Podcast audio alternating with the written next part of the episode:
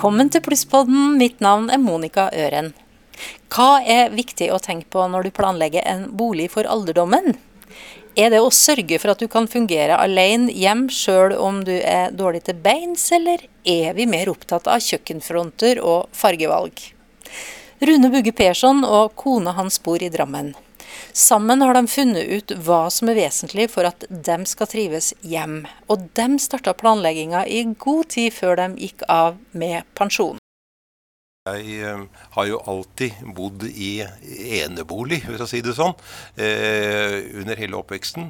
Eh, og så eh, gifta jeg meg i 71. Eh, og så flytter vi opp til Drammen, og så var jeg så heldig den gangen at jeg fikk tomt i haven til, til faren min. da. Og der bodde jeg fram til 2010. Og så snakka jeg med kona, og så sa vi ja, vi får vi begynne å tilpasse oss eh, alderdommen, vi òg. Og da var jeg rundt 60 år. Og så tenkte vi som så at eh, da må vi se på om vi skal flytte i leilighet. Og vi vurderte jo det en stund, og så fant vi ut at eh, ja, det gjør vi. Så vi solgte jo huset.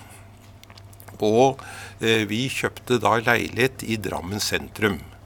Vi fikk en fin leilighet i Kjerkegata i Drammen. Og der hadde vi både skisprinten og 17. mai-toget fra terrassen. Så det var ikke så, vi trang ikke å gå så mye ut, for å si det sånn. For der hadde vi jo, kunne parkere bilen i garasjen. Det var heis opp. Vi bodde jo i første etasje. Hadde da det kunne gå rett ut, ikke sant. Det var ikke noen trapper eller noen ting. Det var jo et sånt atrium der, men, men det var jo ikke veldig mye grøntareal å, å sette seg ut i. Det var liksom ikke naturlig å gå ut der og, og sette seg. Så fordi at det var jo høye blokker på begge sider. Så når du klipper gresset eller ordner med planter og sånn, så har du en viss form for fysisk aktivitet. Følte du at du mista den muligheten til fysisk aktivitet når du bodde i leilighet? Ja, du gjorde jo egentlig det. fordi at du, du, var jo vant til å kleppe plen. ikke sant? Du var vant til å gå og luke litt, og du var vant til å plante. og du, Alle disse vanlige tinga som du var vant til.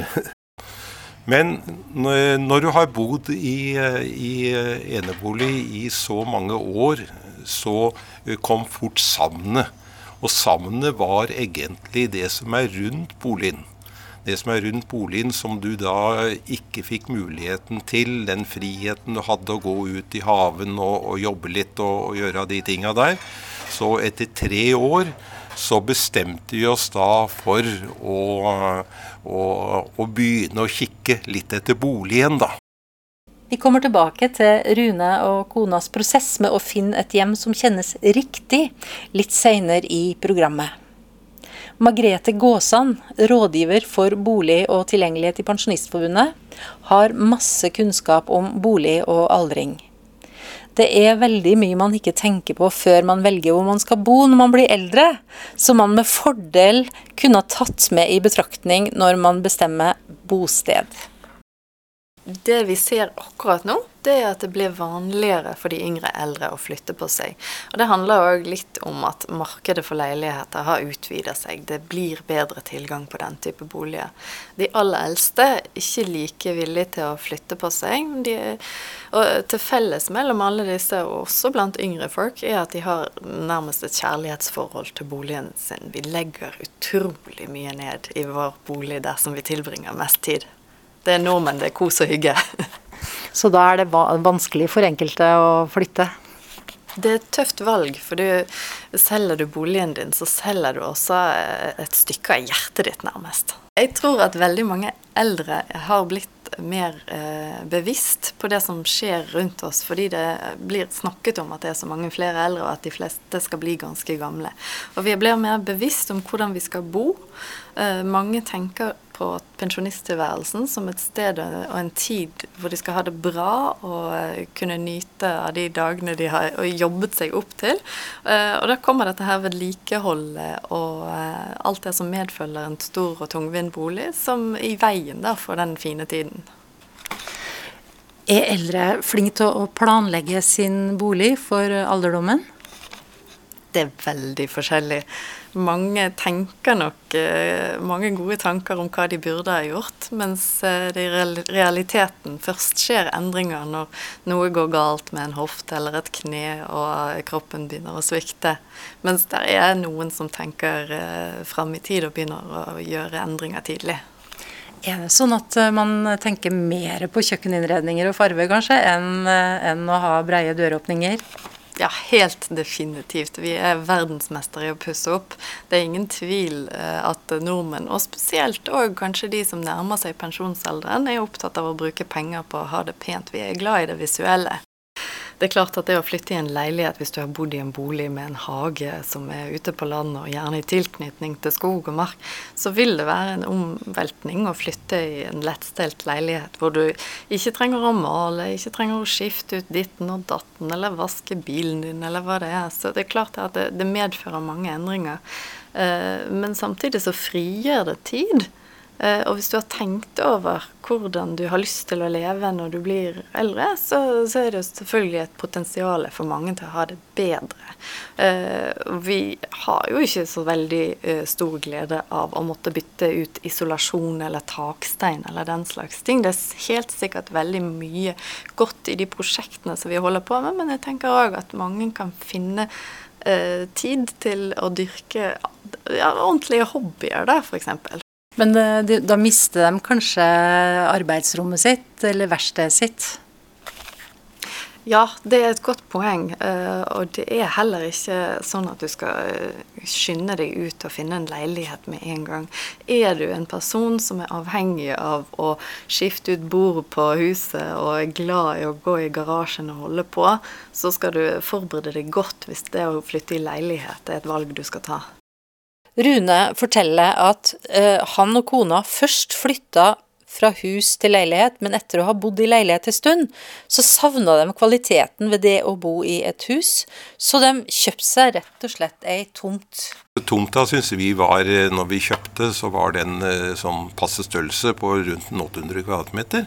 Og hvor vi liksom kunne få, få plass til litt mer enn en bare huset. Altså du kunne tilrettelegge for at du kunne ha litt uh, uteaktivitet, altså uterom, for å si det sånn. da. Så, så det var det vi, det vi så mest på. Du er, ikke, du er ikke redd for at det skal bli for mye å ta vare på? Nei, det er jeg ikke. Fordi at eh, jeg syns det er litt greit å, å ha litt å, å, å, pusle med. Når du har et hus, så får du litt annet forhold i forhold til naboer enn det du har når du bor i leilighet. For det vi la merke til, det var at eh, folk gikk veldig mye inn og lukket døra si når, når du bodde i leilighet. Eh, nå er jo folk ute. Altså Det er jo sånn når du bor i et hus, så er det sånn at du prater iallfall på vårparten og, og, og, på sommeren med naboen. På vinteren så blir det litt annerledes, fordi at da er folk mer inne. Men, eh, men ellers så, så, har du et eh, litt, litt annet sosialt forhold, for å si det sånn. Hva er det lurt å tenke på for å forebygge at vi blir avhengig av helsetjenesten i kommunen for å fungere hjem, hvis vi blir syk eller utsatt for et uhell? Ergoterapeut Katrine Hageby på Hjelpemiddelsentralen i Viken har god erfaring med akkurat de tingene her. Jeg tror det er veldig få som dessverre tenker på framtida. Og jeg har jo opplevd folk som har flytta til en leilighet i første etasjen, og der var det en ja, halvannen meters høy trapp på utsida for å komme inn i den blokka. Og den hadde ingen av de tenkt på før da kona brakk lårhalsen. For de hadde bare tenkt på at ja, men leiligheten er på et plan, det er i første etasje. Og så hadde de liksom glemt bort den trappa som de gikk inn. Eh, og det er jo litt sånn standard. Og når man er eh, frisk og rask, så ser man jo ikke ting som en utfordring. Eller fordi at man tenker ikke at man går i den trappa, fordi at den er jo der, og man klarer den fint. Hvis man flytter i en ny blokk, så er det jo heis. For det er det jo krav om i dag, at det må være heis hvis det er mer enn eh, to etasjer. Eh, men hvis man flytter inn i en litt eldre bygård, så er det klart, da er det jo ikke noe krav om heis der. Og da må man jo kanskje ha en trappeheis, og så er det kanskje en utfordring med å få en trappeheis, fordi at kanskje trappebredden er for smal. ja. Sånn at man må gjennom kommunen, og så må man betale litt penger, eh, byggesak og litt sånne ting. Så det er jo det er noen utfordringer knytta til det med leiligheter òg, som jo folk naturlig nok ikke nødvendigvis har så mye greie på, da. Så hvis man planlegger skikkelig, så er det sånn at man sparer seg egentlig både penger og bryderi når man da får en funksjonsbegrensning? Ja, det vil jeg jo si. Når man har blitt sjuk, eller den ene parten har blitt syk sjuk eller dårlig, så er det klart at det er jo veldig uh, Koster jo mye, både økonomisk kanskje, og, men også krefter, da. Og det er klart man kan gjøre ganske mye i en eksisterende bolig. Eh, men har man et veldig lite bad, så er det klart, da bruker man jo også veldig veldig mye krefter på bare det å kanskje gå på do, eller det å skulle dusje. Fordi at man, det er krøkete å komme seg inn, man, bruker, man kanskje må forflytte seg, man må ha med noen hjelpemidler. altså ja, Det er mange av de tinga der da, som gjør at hvis man hadde hatt et litt større bad f.eks., så hadde man kanskje blitt selvhjulpen kanskje sluppet å sitte og vente på hjemmesykepleien eller noen som kunne komme og hjelpe, og heller kunne klart seg sjøl, da. Både Katrine på Hjelpemiddelsentralen og Margrete hos Pensjonistforbundet forteller at mye kan gjøres på forhånd, hvis man først tenker på det å tilrettelegge for egen alderdom i hjemmet. Vi ba Katrine om å komme med noen tips ja, det var det, da. Det er jo mange ting som kan være viktig å tenke på. Men uh, gjerne det med terskler. Ser du om man har Har du en trapp som kan bli vanskelig? Størrelsen på bad. Plassering av ting i forhold til hverandre. Ja, har man mulighet til å kanskje bygge ut og få ting på én flate? Uh, kan man gjøre noe med den trappa utvendig? Det finnes mye kunnskap om hvilke grep man kan ta for å tilrettelegge så man kan fungere selvstendig i hjemmet sitt når helsen begynner å svikte, men det krever planlegging. For er du uheldig og må utbedre boligen din, er det mulig å søke om tilskudd til tilpassing av bolig, både i kommunen og på hjelpemiddelsentralen. Det kommunale tilskuddet kan søkes av eldre og mennesker med nedsatt funksjonsevne som har behov for å tilpasse boligen sin. Tilskuddet ble tidligere forvalta av Husbanken, men i 2020 ble tilskuddet overført til kommunen som et rammetilskudd. Det betyr at tilskuddet ikke lenger er øremerka. Men hva skjer hvis kommunen velger å ikke budsjettere tilpassing av bolig i sin egen økonomiplan? Margrethe i Pensjonistforbundet har svart oss på det. Eh, når det ikke lenger er et øremerka tilskudd, så vil folk bli ramma. Og, og, eh, der hvor kommunen ikke har tatt ansvaret og eh, budsjettert med midler til tilpasning av bolig, der vil den enkelte måtte ta regninga for det sjøl.